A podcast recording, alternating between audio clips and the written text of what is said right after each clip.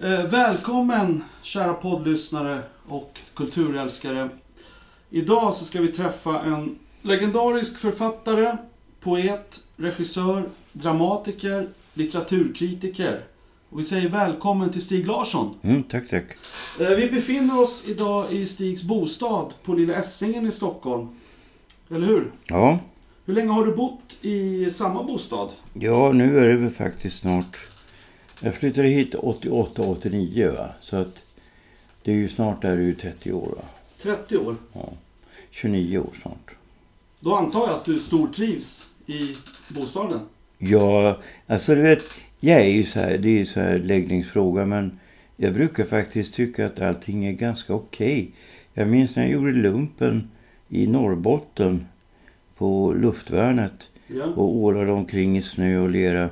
Det var väl kanske, om jag ser på det så här i efterhand, inte så där jätteokej.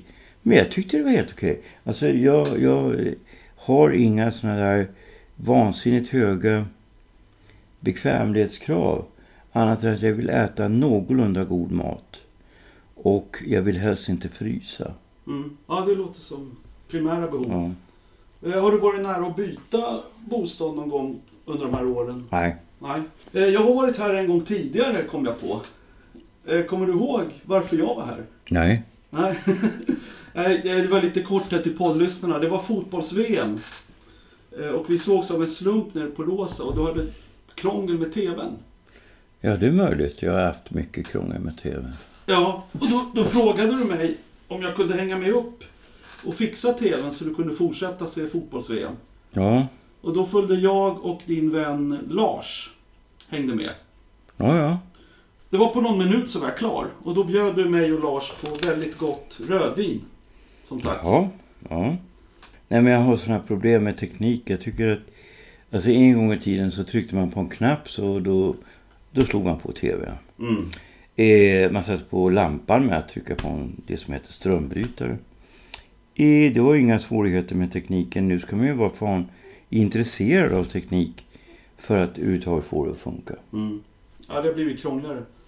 Eh, har du alltid haft katt, Stig? Eh, nej, alltså min första katt. Jag har haft två katter. Min första katt, Esset. Det var eh, ju hösten 89. Jag var tillsammans med en eh, väldigt ung serbisk tjej. Och hon sa vi måste skaffa en kattunge. Och jag fattade inte vad man gjorde med en katt. Jag visste ingenting. Och så kom hon. Han var ju jätteliten. Han var, de ska ju inte vara så små när man tar hand om dem. Men han var, ju- rymdes ju i min, min hand. Han var ju kanske bara någon vecka gammal.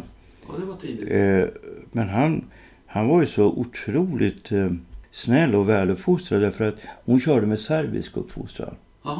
Eh, och det innebar, det fick jag veta långt senare, att när eh, hon tyckte att han var olydig då stoppade hon in honom i kylskåpet. Nej. Jo, och eh, han tydde sig då till mig. Han uppfattade mig som den gode guden sådär va. Du Eh, släppte ut honom. Ja, nej men alltså jag var ju, nej jag släppte inte ut det, jag visste inte ens om det. Eh, men han var ju fruktansvärt väluppfostrad. Och jag tror ju på det här med, med, med, med brott och straff. Alltså, eh, ska man få folk att bli väluppfostrade får Ja. man faktiskt använda vissa repressiva medel också. Nu behöver man inte stoppa in katter i kylen, det tycker jag inte. Nej. Ja, okej. Eh, Jag tänkte på när du reser. Är det svårt att resa bort när man är kattägare? För det har hindrat mig att skaffa katt. Ja, jag känner så mycket folk så det har faktiskt aldrig blivit något riktigt problem. Lite problem är det väl. Så ibland måste man ju ringa runt. Och jag har ju en del mer eller mindre fasta kattvakter. Det har Mm. jag haft. eh, Jag hade en kattvakt eh, som jag har fortfarande för min förra katt. För de gillar ju, ibland gillar de bättre vissa kattvakter. Mm. Ja, Ja, och då föredrog jag ju då att använda Birgitta Aspengren som hon heter. Som bor på Söder. Det är lite dyrt att åka över med, med katten då till Söder. Hon bor långt bort på Söder. Mm. Men eh, eftersom de har, har gillat henne så här, va, så... Men nu har jag då, här i trappen har jag folk som vill ta hand om honom. Alltså mina katter är ju väldigt lätta att, att, att hantera. De är gulliga och liksom kelsjuka och så här. Ja, den här har redan hälsat på mig två gånger. Ja, men de är liksom, de är helt enkelt väluppfostrade. Ja, precis. Den här veckan Stig så har ju din nya roman släppts. Ja, roman vet jag inte. Alltså, även förra boken ska man kalla det roman. Jag kallar ju inte det själv för roman. eh, roman som genre är jag ju egentligen personligen ganska tveksam till. Nu görs det ju en del bra romaner. Jag tycker ju Claes Östergrens nya roman är bra. Mm. Eh, jag tycker ju också, jag gillar ju Patrick Modiano till exempel. Mm.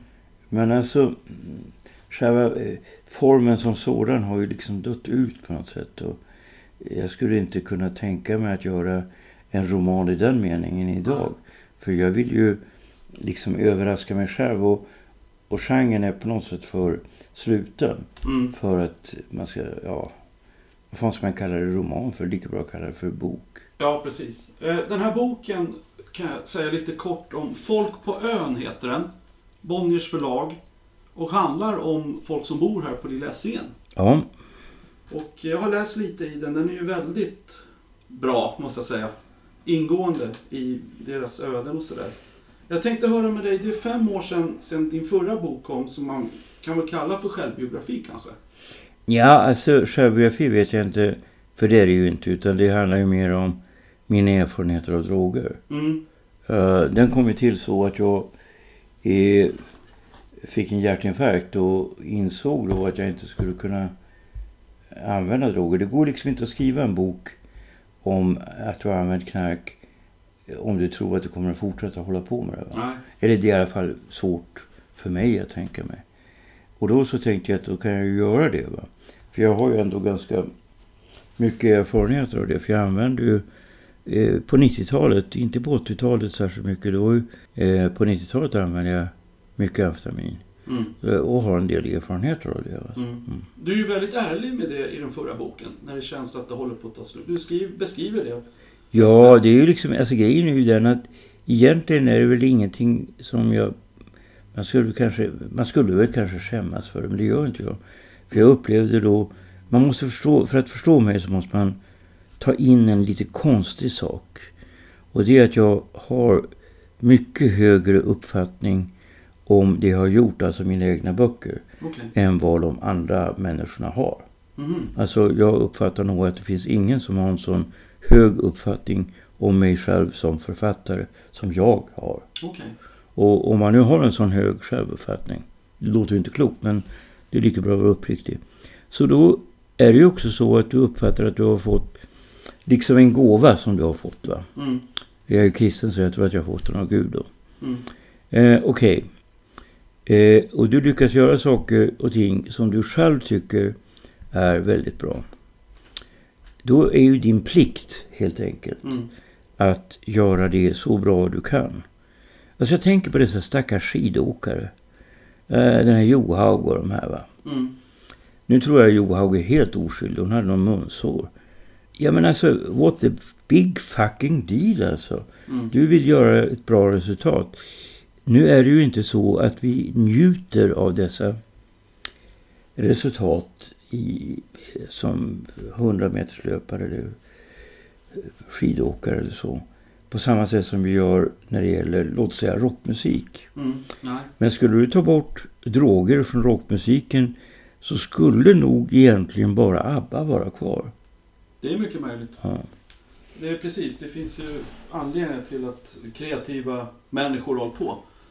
Jag tänkte fråga, så här, nu, nu när din nya bok, Folk på ön, är ute Mm. till hela världen och Sverige.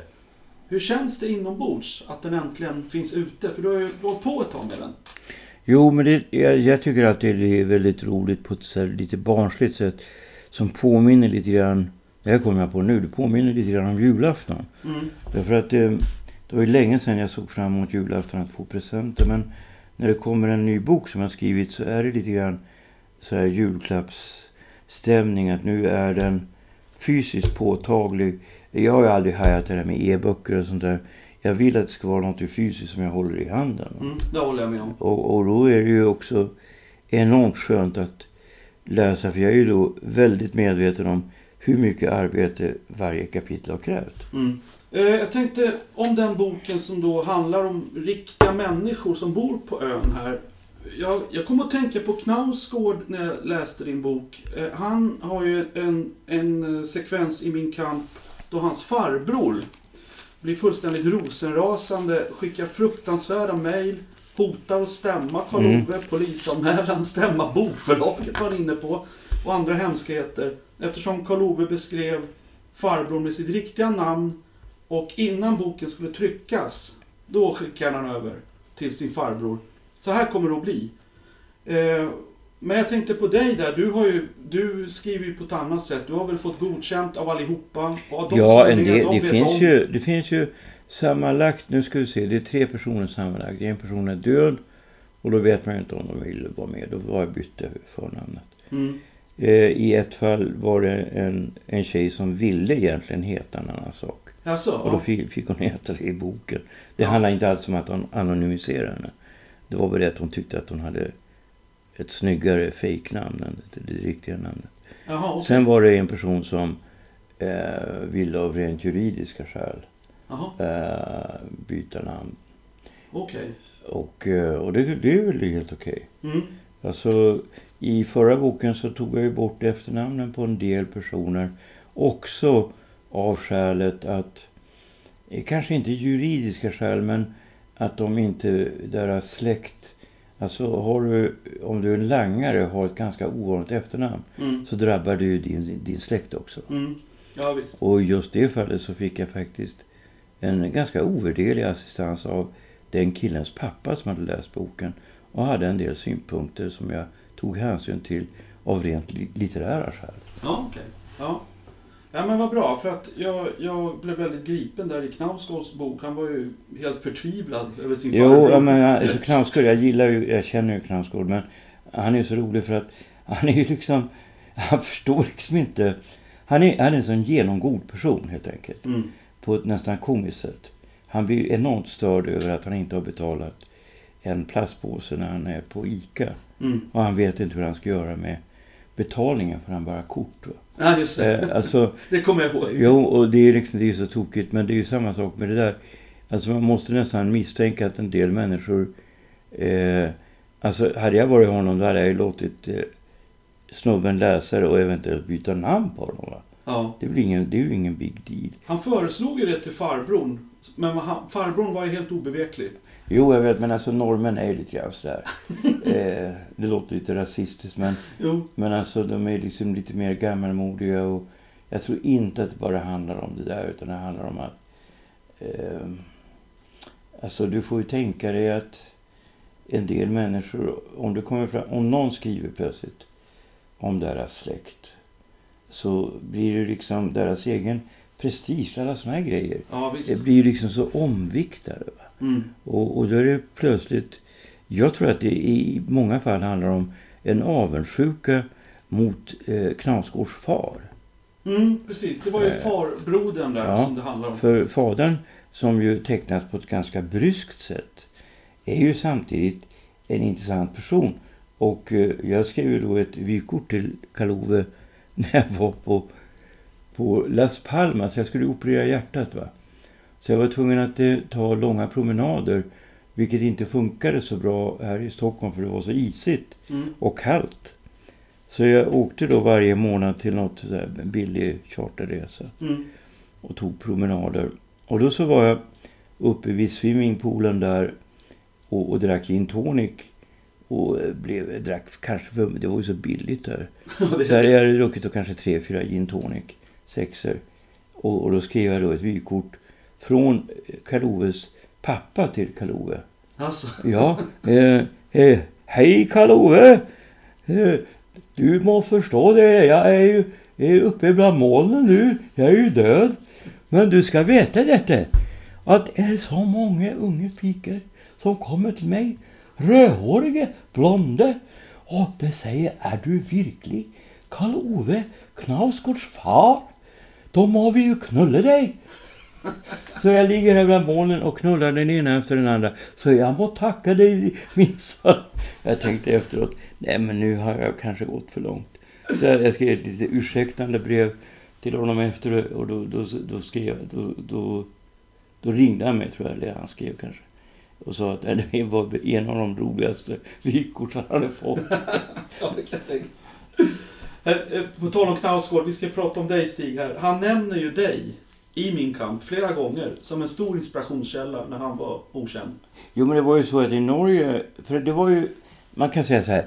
I Sverige var det ju inte så bland de som var författare, för de hade ju någon form av, eh, jag hade ju lite grann, det här låter lite konstigt att uttrycka det så, men på samma sätt som de som var lite äldre filmskapare än vad jag var, Mm. de hade ju någon form av hatrelation till, till Bergman, om det inte var så att de hade blivit, fått konkret hjälp av honom. Mm. Eh, och på samma sätt så blir det ju så i, i, i Sverige. Nu är det ju först den riktigt unga generationen som tycker att jag är okej. va. Men de som är lite yngre än vad jag är, va? De, de såg ju mig då som någonting negativt. Va? Mm. Alltså i Norge var det faktiskt så att det var en generation. Du vet folk skriver ju så här va, när de kommer ut, eh, debutanter. Eh, vad är din favoritförfattare? Och det var ett år, jag minns inte vad det var, det var någon gång på 90-talet. Så hade alla norska debutanter mig som favoritförfattare. Jaha. Alltså alla, 100 procent. Mm. Eh, att du måste liksom position, positionera dig själv. Själv har jag aldrig haft det här problemet. Och jag tror att det har att göra med, med gott eller dåligt självförtroende. Mm. För att om du tittar, för mig så redan när jag då debuterade så intygade jag vilken betydelse Norén hade för mig till exempel. Mm. Alltså det är klart att Norén betyder jättemycket för mig. Om man tittar på det rent krasst. På lång sikt så kommer ju Norén att betyda väldigt mycket för mig. Just eh, också hans dramatik som inte var självklar då i början. Mm. Då var inte hans dramatik så framträdande. Men alltså just att han arbetade med ett naturalistiskt språk. Och det han gjorde. Det gjorde, alltså jag hade en annan, eh, kalla det för aktionsradie. Mm. Alltså om du är en, eh, en brittisk författare och du skriver en roman så kan du inte så gärna ge ut pjäser och diktsamlingar och så. I Sverige har vi haft den förmånen, kanske ända sedan, låt säga inte sedan eh, Stagnelius för han var inte tillräckligt känd, men sedan Almqvist och framförallt genom Strindberg. Mm. Mm. Ja. Och, och det har då gjort att vi inte behöver måla in oss i ett hörn på samma sätt som väldigt många kontinentala författare har varit tvungna att göra. Jaha. Mm. Vi, vi har en annan frihet.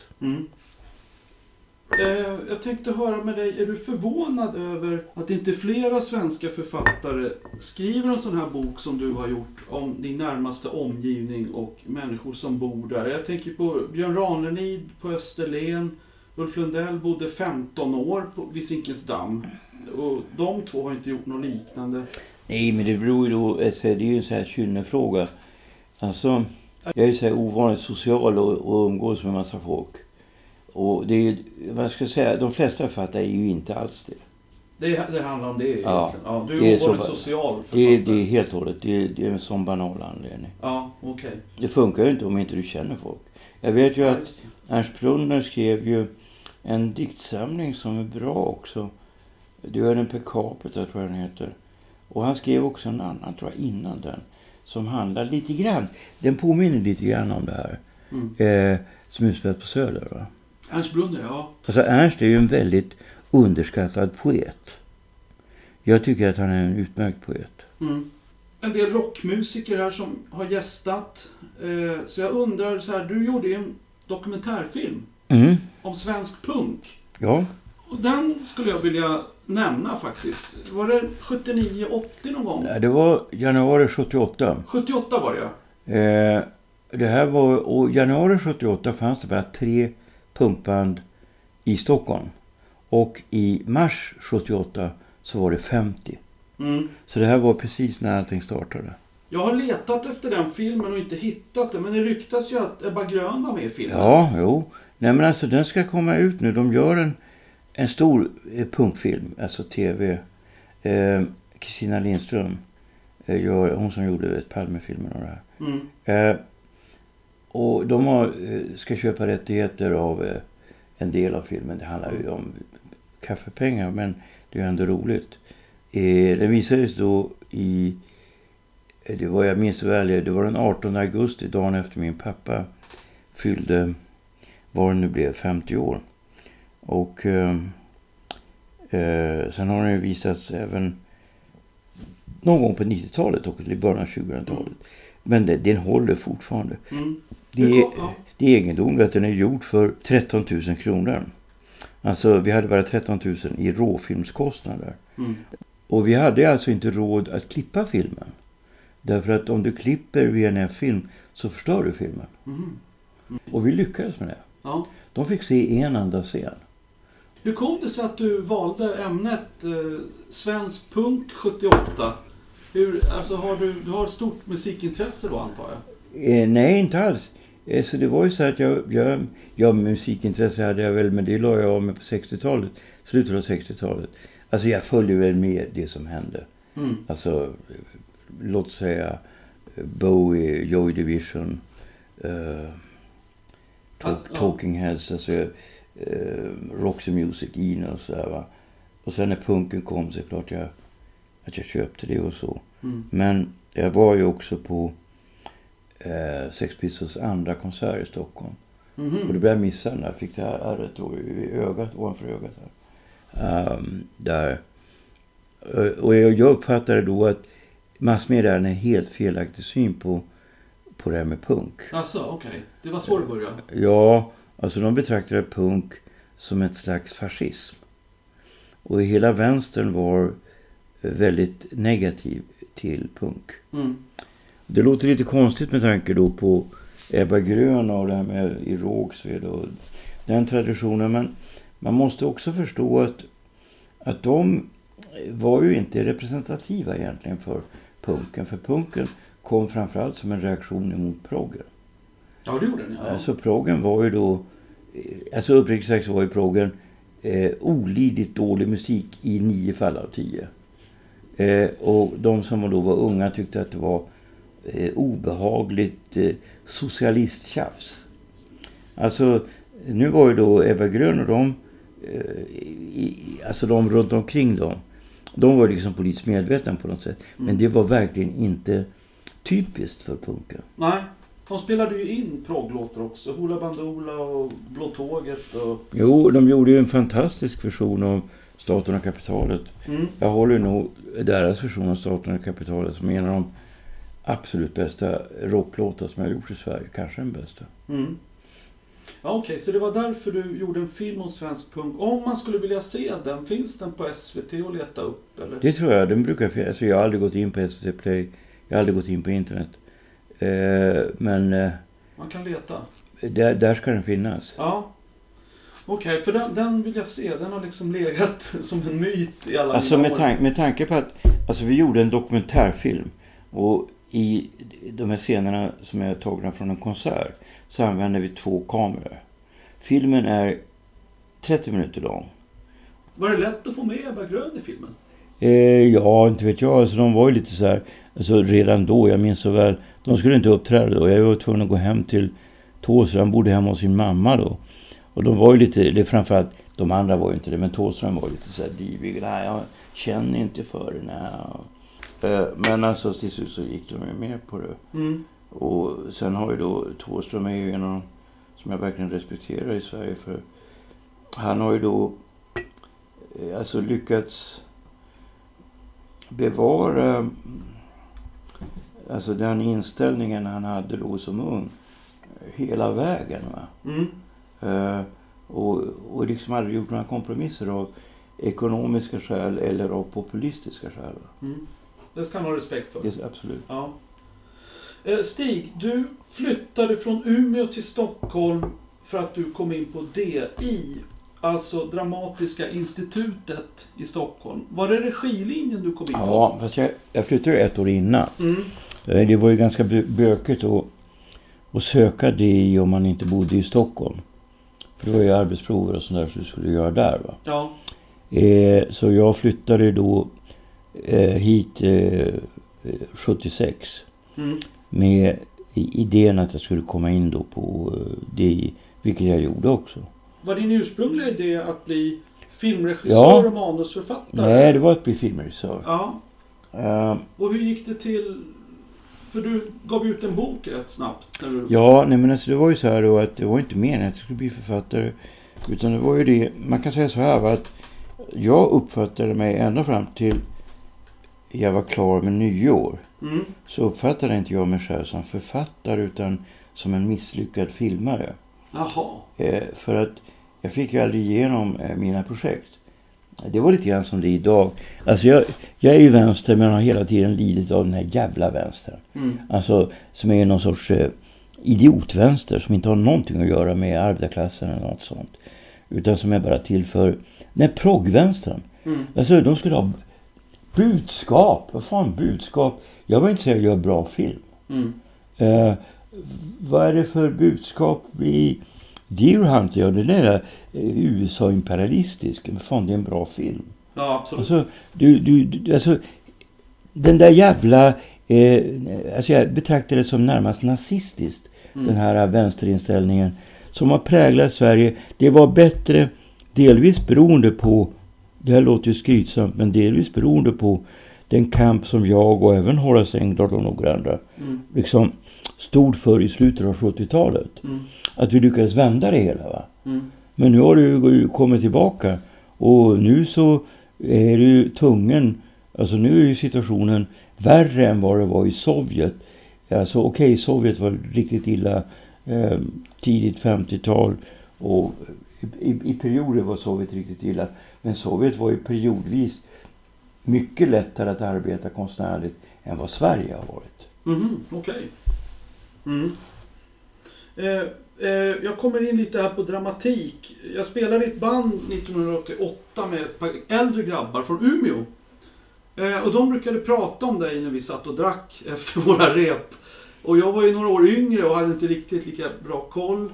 Och deras attityd var, det var lite sådär... Ja men det är Stig, kungen från Umeå. Lite, lite så lät det. Så jag blev ju väldigt nyfiken.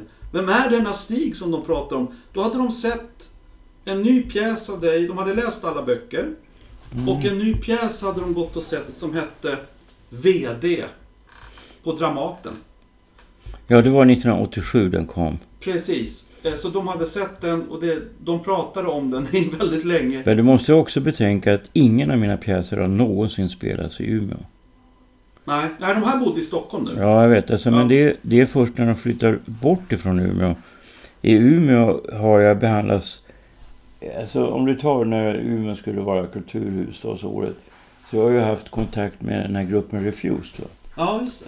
Och eh, hur man än vrider och vänder på det så är väl ändå jag och Refused de, kan man säga, stö- mer dominerande kulturella namnen från Ja. Umeå. Absolut. Men vi var ju inte inbjudna. Ni var inte inbjudna Nej. när det var årets... Jaha. Nej, nej, nej. Vi skulle, vi skulle söka då fick vi veta. Jaha. Eh, bossen för kommunen. För han är tydligen ganska okej även om han är väldigt plump. Mm. Och, och sen skulle vi helt enkelt filma hur vi uppträder i, i hans hem. Och, och tejpa för hans frus mun och alltihop. Och gå direkt ut på internet. Men de sa det, för jag sa, det blir naturligtvis, vi kommer inte att hamna i fängelse. Ja men det är lite riskabelt ändå. Intrigen i VD är ju helt fantastisk. Om, ja, maktmissbruk och även arbetarklassens undergivenhet. Eh, jag vet inte om man ska dra hela intrigen, men det är alltså en, en VD som ringer på hos en anställd på kvällen. Erbjuder sig att betala lite pengar för att gå in i sovrummet med... Nej, det, är inte, det, det går ju lite mer långsamt. Ja, ja visst. Jag bara, för de som inte har någon koll på vad VD är för något. Eh, men maktmissbruk och arbetsklassens undergivenhet. Hur kom du på den intrigen? Den är ju helt Nej, inte, genialisk. inte alls. Alltså, det var ju, alltså jag kom inte på någonting i förväg. Nähä, Utan det är alltid så att det, det sker under tiden jag skriver. Okej. Du hade inte den klar Nej, innan? nej, absolut inte. Jag har aldrig, jag har aldrig haft någonting klart för mig. I, aldrig i en roman, ingen pjäs, inte heller filmmanus. Jag vet inte alls vad som ska hända. För den, den börjar ju helt genialiskt. En VD som ringer på. Ja, det, börjar Och inte sen riktigt, anställd. det börjar inte riktigt så. Det börjar med att han, de har någon sorts uh, spel där de har någon bikt av något slag. Va? Och så ringer det på dörren. Det enda jag hade bestämt var att pjäsen skulle heta VD. Jag skrev den på ett bistrå i Paris. Jaha. Och eh, jag kom på titeln då när jag duschade. Eh, jag tvättade håret. Och då tänkte jag, VD är en bra titel. Jag tänkte jag skulle skriva en pjäs. För det var så bra väder. Mm. Eh, och då så gick jag på ett bistrå och eh, käkade frukost och tog en öl sen. Och så började jag skriva och sen gick det jättefort för att det var så spännande. Jag kunde liksom inte sluta skriva. Och när man läser... Jag vet, jag gav ju originalet till, till Ernst-Hugo. Eh, för jag skrev ju allting för hand. Ernst-Hugo alltså huvudrollen? Ja. Ernst-Hugo Järegård. Ja. Och eh, så hans fru eller hans son har väl originalet.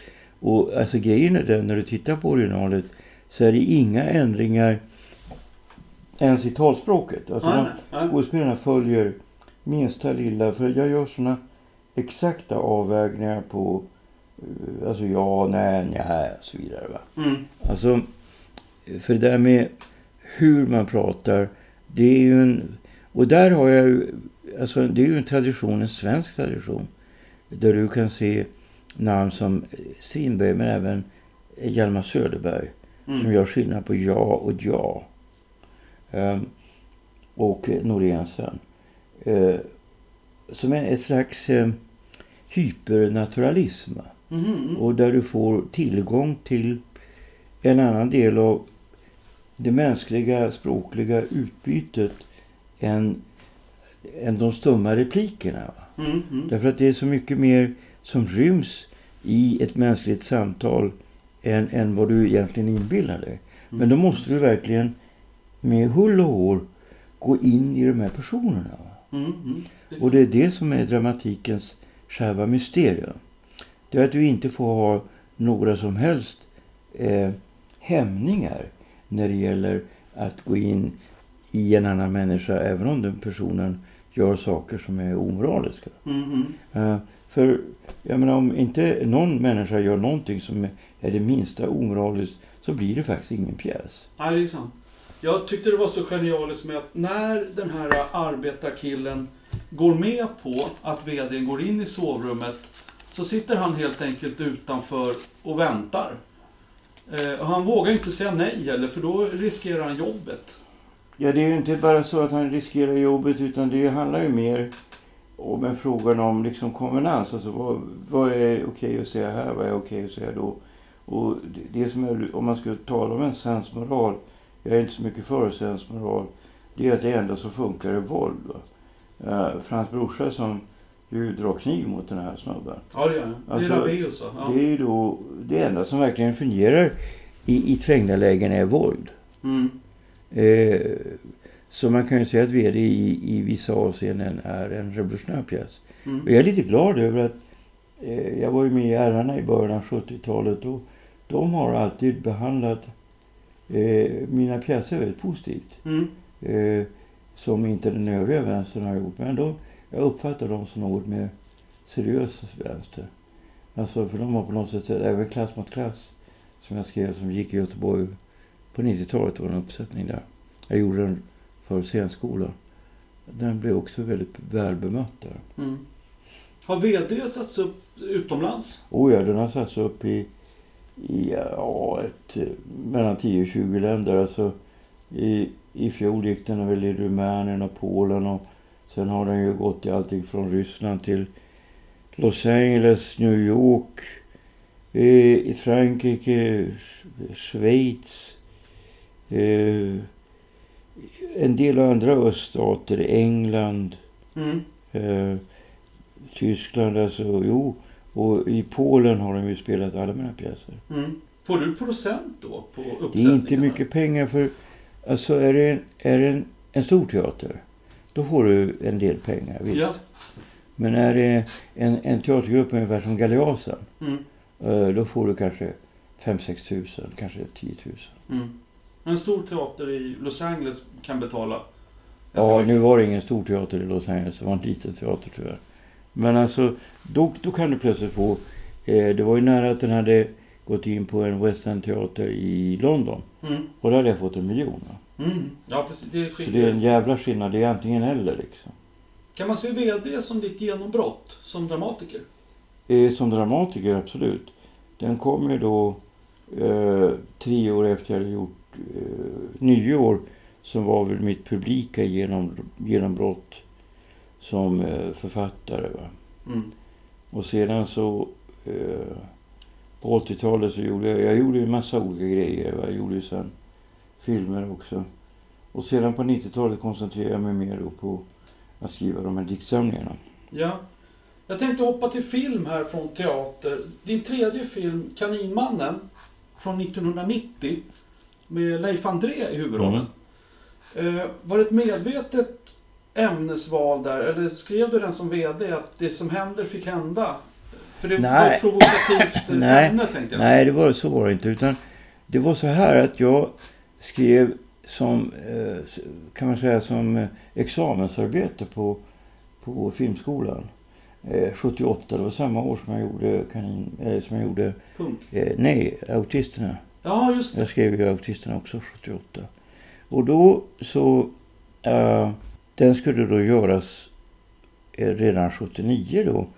Eh, jag hade John Donner som producent och den skulle helfinansieras av Svenska Filminstitutet. Men den stoppades på något som heter porr och våldsparagrafen. Det fanns ju ingen sexscen i filmen och det fanns ingen våldsscen heller. Ja. Alltså i den senare varianten så finns det ju en viss form av våld. Eh, I alla fall så den stoppades då och jag försökte då göra den i Danmark och skulle göra den i Danmark. Och så hade jag skickat då manuset till Lars Trier. Och Lars är ju som Lars här. Så han snodde ju manuset. Mhm. Eh, och när jag gjorde Elements of Crime så eh, byggde det på samma grej. Alltså, för orsaken att jag valde det var att jag tyckte att det var så jävla konstigt. Mm. Alltså när jag jobbade på psyket i Umeå, eh, var det 74, 75 någon gång, 74. Då så hade jag en pyroman. Och det tycker jag också är jättekonstigt. Hur, är det sexigt med eld? Jag fattar inte. Nej, ja, man blir nyfiken. Ja. Och det där med barn, hur fan kan man vara intresserad av barn? Det är liksom knäppt på något sätt. Mm. Så jag försökte, jag tänkte, ja men okej. Vi säger att jag är kriminalinspektör, kriminalkommissarie. Och jag ska försöka utreda det här. Jag försöker sätta mig in i hur den här människan tänker. Mm. Vad är den värsta mardrömmen? Jo, till slut så börjar folk misstänka att det är jag. Mm. Mm. Och då hade ju inte den här filmen Red Dragon gjorts. Och den bygger ju exakt på samma struktur. Mm. Ja, Alltså det, var. Ja. det var ju alltså en ganska originell idé Mm. från början. Alltså 1978. Eh, sen så gjorde ju då Lars eh, samma story att huvudpersonen går in i... Ja, och det var ju alltså, det var tjejer som sålde lotter. Eh, men det var unga tjejer också. Och, och Åke som skulle vara med och göra den här filmen, han, han är så snäll men jag är inte alls snäll. Så jag sa ju det till Lars när jag upptäckte det här. Du vet Lars, jag är ingen snäll kille. Nej, jag Du skulle har- fråga det. Hur, hur, hur gjorde du Utan med du honom? har ju du har exakt två timmar på dig att ta tillbaka de och de och de och de elementen. Annars kommer jag kontakta advokat samt samtliga tidningar. Ja. Och då är ditt namn rökt. Mm. Ja, då ringer han mig eh, en, en timme eh, senare och säger att jag tar tillbaka det. Och sen gav han mig en roll i filmen eh, och sen behöll han alltihop. Jaha, ändå? Men Ja, men- modig jävel. Ja, men han är ju som han är och han hade ju rätt. Han var ju ett geni, jag var inget geni. Alltså inte när det gäller film. Han var ju bättre än vad jag var. Och jag sa att med geniets rätt så, så har du den här rätt. Du, du kan ta dig den här rätten. Okej. Han skickade in det gamla manuset och jag fick igenom det. Mm. Och, och så läste jag det och tyckte det var dåligt. För då hade det ändå gått tio år. Jag var bättre på att skriva dialog och så. Och, och själva storyn hade ju ändå, den hade blivit utkänt.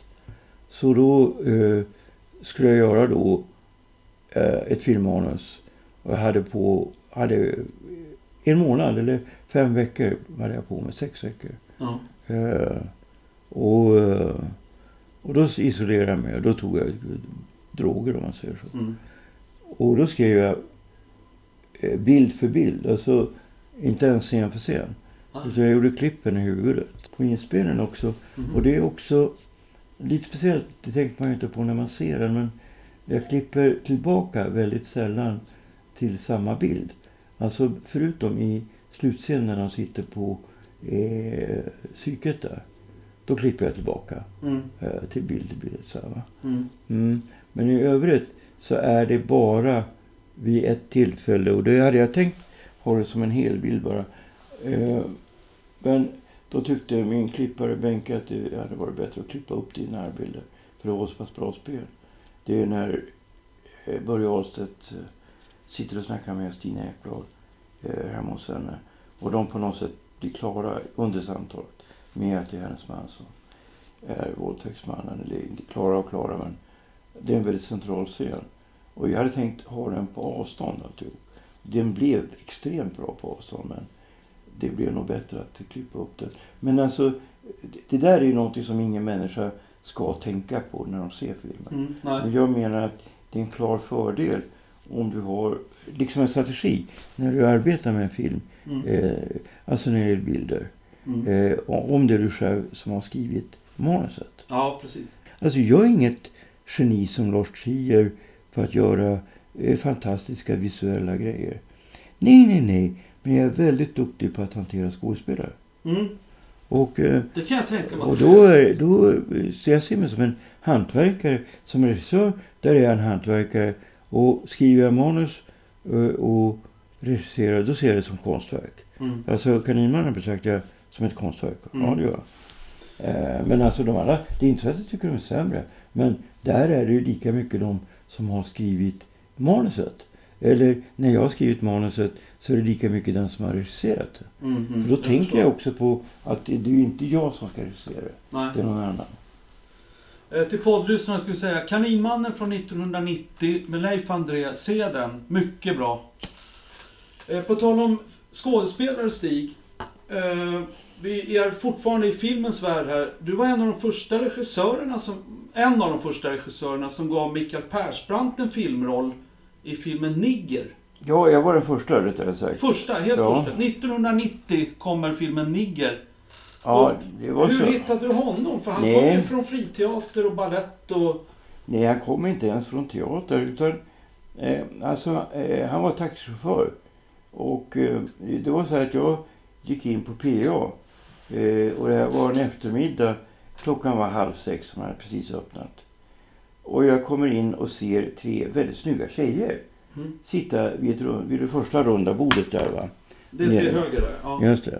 Eller till vänster om man kommer Ja, det blir det. Från det så. Ja, precis. Eh, och då så eh, är det en kille som sitter med tre väldigt snygga tjejer. Jag tänker, vad är det för jävla idiot? Idiot! Ja, jag menar Var med du tre... lite imponerad? Nej, jag blev sur. Jag tänkte, vad jag vill det? Han såg ju liksom korkad ut också. Eh, och, men snygg var han alltså. Ja. I alla fall så jag beställer en öl där och är lite sur och sitter där. Så kommer han fram till mig och säger, inte du Stig Larsson? Ja, så jag. Ja, men kan inte du komma och sätta dig vid vårt bord? Ja, varför inte, tänkte jag. Ja. Eh, vilken trevlig kille plötsligt. ja. Och så berättade han då att han, han hade, det var ju problem. Han var ihop med en tjej som var skådis. Hon var ju då, spelade huvudrollen i P sista sommaren. Och, Ja. och han ville bli skådis också. Han Alltså- var inte inne i teatern ens? Nej, nej. Nej. Eh, han var med i en, en dansgrupp som någon belgare hade. Som, jag var ihop med en tjej som var med i den dansgruppen. Eh, så jag såg honom faktiskt som dansare. Men det var en sån här myskodansgrupp. Lite grann som Pina Bausch. Okej. Du vet så här. Ja. konstiga grejer. I alla fall. Eh, så jag sa ju till honom för att jag ville ju framstå som en trevlig kille för de där tjejerna. Så jag sa du kan ju provfilma då. Och så hade jag ju agenda så men du kommer på torsdag klockan två. Och så gav jag honom adressen. Och hör och häpna. Han är överlägset bäst. Han var ju en naturbegåvning. Så han fick en huvudroll på en gång. Det var Nigger. Ja. Ja. Eh, och, och det var ju verkligen ingenting jag ångrar. Sen har jag jobbat med honom väldigt mycket faktiskt. Mm. Och det är en fantastisk skådespelare. Det finns ju en del skådespelare. Eh, Leif André är också en sån skådespelare. Som jag skulle vilja kalla är, är, är inte tekniska på något sätt. Till slut blir de tekniska också på grund av erfarenheter. Mm.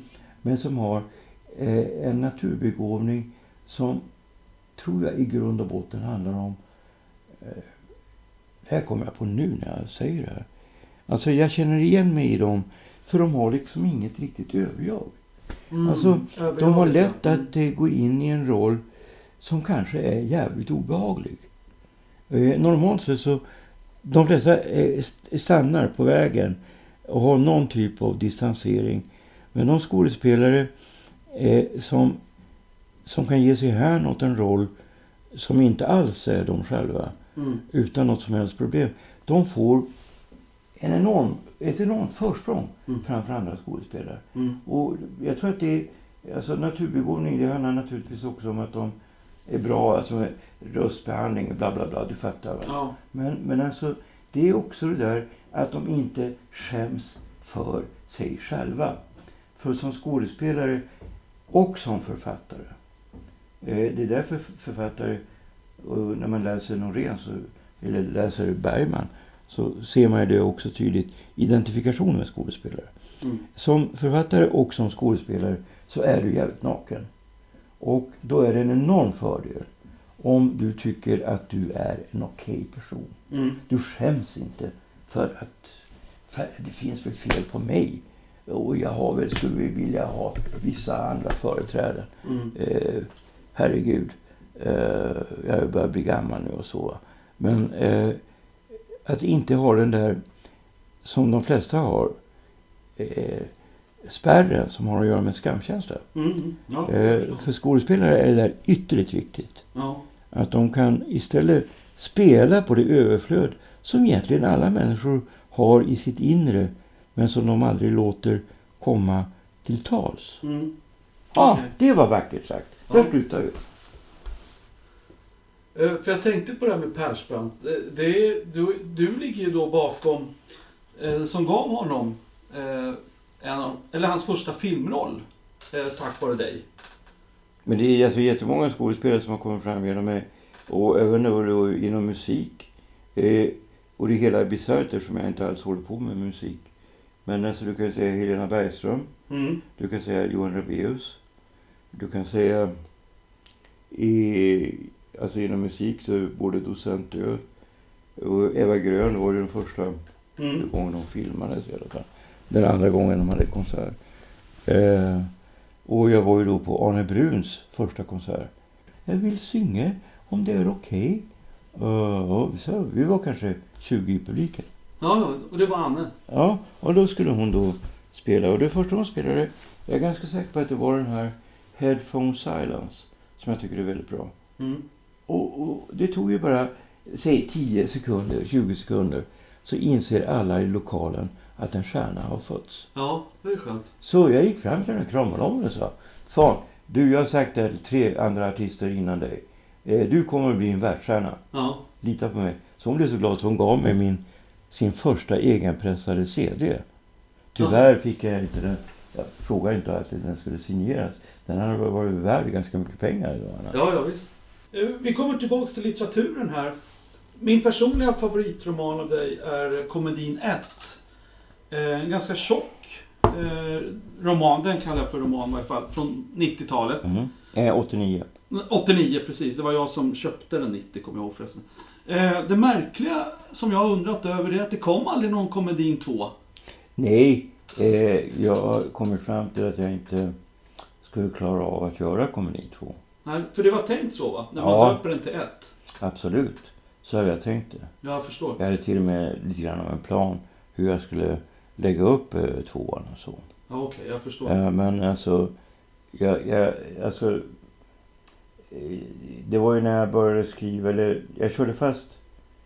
Jag började skriva komedin 1 i 86. Och eh, sen körde jag fast.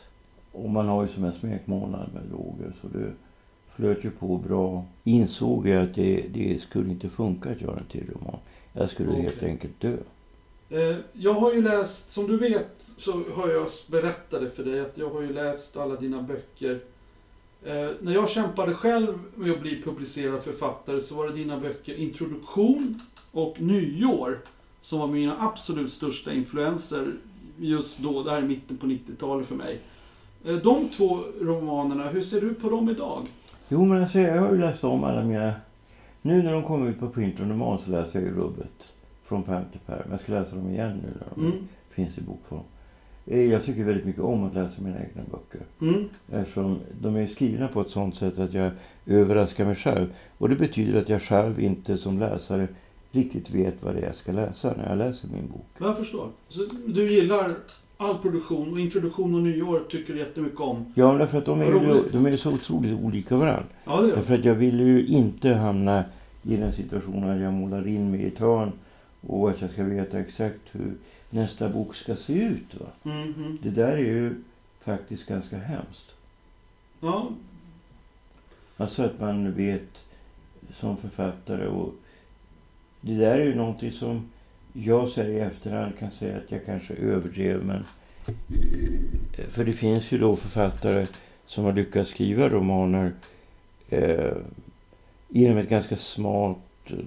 Ta Thomas Bernhard som ett väldigt bra exempel. Mm. Eh, jag tycker att hans produktion är väldigt bra och väldigt jämn. Alltså Beckett var ju då en, en förebild.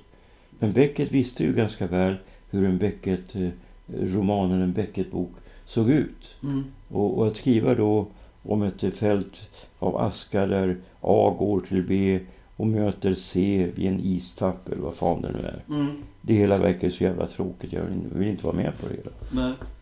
Och du har sagt till mig också att du inte gillar varken Paul Auster eller eh, Ian McEwan heter han tror jag. Ja, men alltså jag gillar inte det som är konstruerat. Och de är så här, de är fuskförfattare.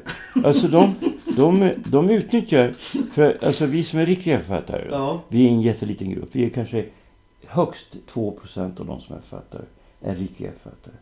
Och riktiga författare, det är ungefär de som tidigare i andra samhällen var shamaner. ja. Alltså de som fick inspiration och skrev liksom på vinst och förlust. Och inte hade någon tanke med det hela. Och som inte liksom nödvändigtvis var så jävla bra i svenska. Och bra på Ja. att disponera och höll på där. Duktiga och du vet fin handstil.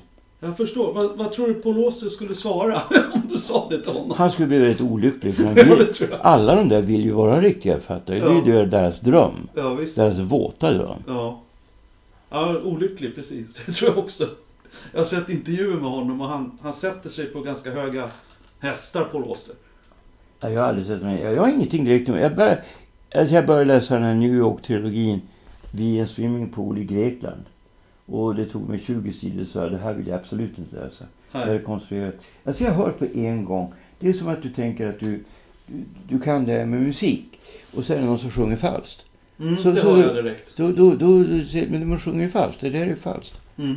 Eh, och, och jag tycker att det, nu är det då, har det kommit vissa författare som jag tycker att jag måste ändå säga okej, det här är faktiskt pure entertainment och det är bra på sitt sätt. Okej. Du kan säga eh, Patrick St. Aubyn, eh, den här romanen om, nej vad heter han? Heter inte Patrick, han heter någonting annat.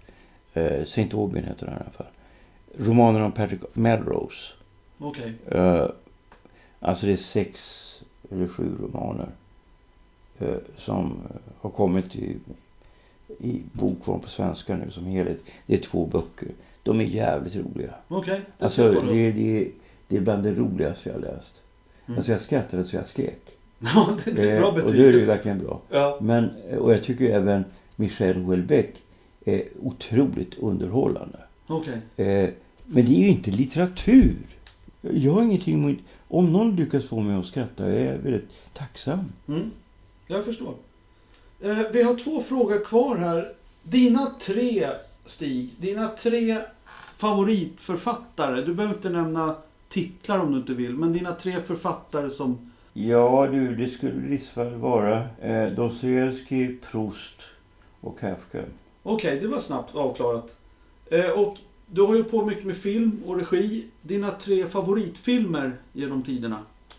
Ja du, jag skulle nog säga eh, Sergej Eisensteins Ivan den förskräcklige är otroligt bra. Ivar den förskräcklige, okej. Ivan Groznyj som det heter på ryska. Nu måste jag se, den har jag faktiskt missat. Eh, och eh, sedan tycker jag Hitchcocks eh, Vertigo Vertigo, ja. är väldigt bra. ja. Sedan om man ska ta en mer udda film så varför inte ta Francesco Marcellis Caterina Regoglioso. Eh, Det är en film som ingår i en alltså, episodfilm kallas det. Alltså det är dokumentär... Eller det är liksom kortfilmer Mm. som är, ingår i, som ett paket som visades då. Det här är en grej från 50-talet. Den här är från 53-54 någon gång. Okej. Den heter L'amore in città. Och det är också Fellini och Antonioni som är med. Och Marcelli var regiassistent till eh, Antonioni. Mhm. Men den här Caterina Regoglioso är en film som verkligen borde visas igen. För den är så eh, originell och mycket, mycket speciell film. Det finns så mycket okända filmer. Ta Erich von Stroheims enda talfilm. Eh, Walking Down Broadway. Som är en av de enda riktigt bra kärleksfilmerna. Mm. Det finns så jävla mycket bra film Ja, som är gjort. Och eh, jag, jag vet, det görs ju också väldigt mycket bra film idag. Och film är väl den konstart som jag har uppfattar som mest hoppingivande. Mm. Men det kommer hela tiden nya tekniker och sådär. Ja, och unga filmare har mindre respekt än vad den generation som jag själv tillhörde hade. Va? Mhm. Eh, och vilket gör att de kan göra mer personliga filmer. Eh, jag ser fram emot... Eh, jag ska se nu den här filmen Auto Exhaler, den här Nile Hilton Mm. Incident. Och även The Square av Ruben Östlund. Mm. Jag, Den har inte jag, sett än. jag gillar ju Ruben Östlund. Jag Ja, tycker han han är är väldigt bra. Jag Ja. tänkte höra med dig om du vill tillägga något som aldrig har blivit sagt i dina år med intervjuer och media. Finns det något missförstånd som du skulle vilja eh, rätta till? Nej, herregud. Det var en konstig fråga. Har du alltid, känner du att media alltid har ge- gett en rättvis... Nej, kanske inte alltid. Men det är ju inte så jäkla mycket att göra åt. Jag får väl delvis skylla mig själv, men jag försöker vara så uppriktig jag kan. Men framförallt när du är i TV så är det ju, om det är direktsändning, eller även om det inte är direktsändning, så kan du liksom inte gå. Nej. Även om du upplever att de här har en agenda som går ut på att de vill göra bort dig. Mm. Så befinner du du, fin, du är då i en dålig situation. Mm. För du kan inte göra så jäkla mycket åt det. Jan Guillou gick ju en gång. Ja, men alltså jag tror att det är mer okej att göra det om du har eh, så pass många läsare som han har. Ja, det är sant. Alltså, där, där blir en person... Jag räknas ju som en sån här eh, smal författare. Och vi har inte samma, riktigt samma frihet. Nej, jag förstår. Ja, Okej, det är som det är helt enkelt. Det är som det är. Ja.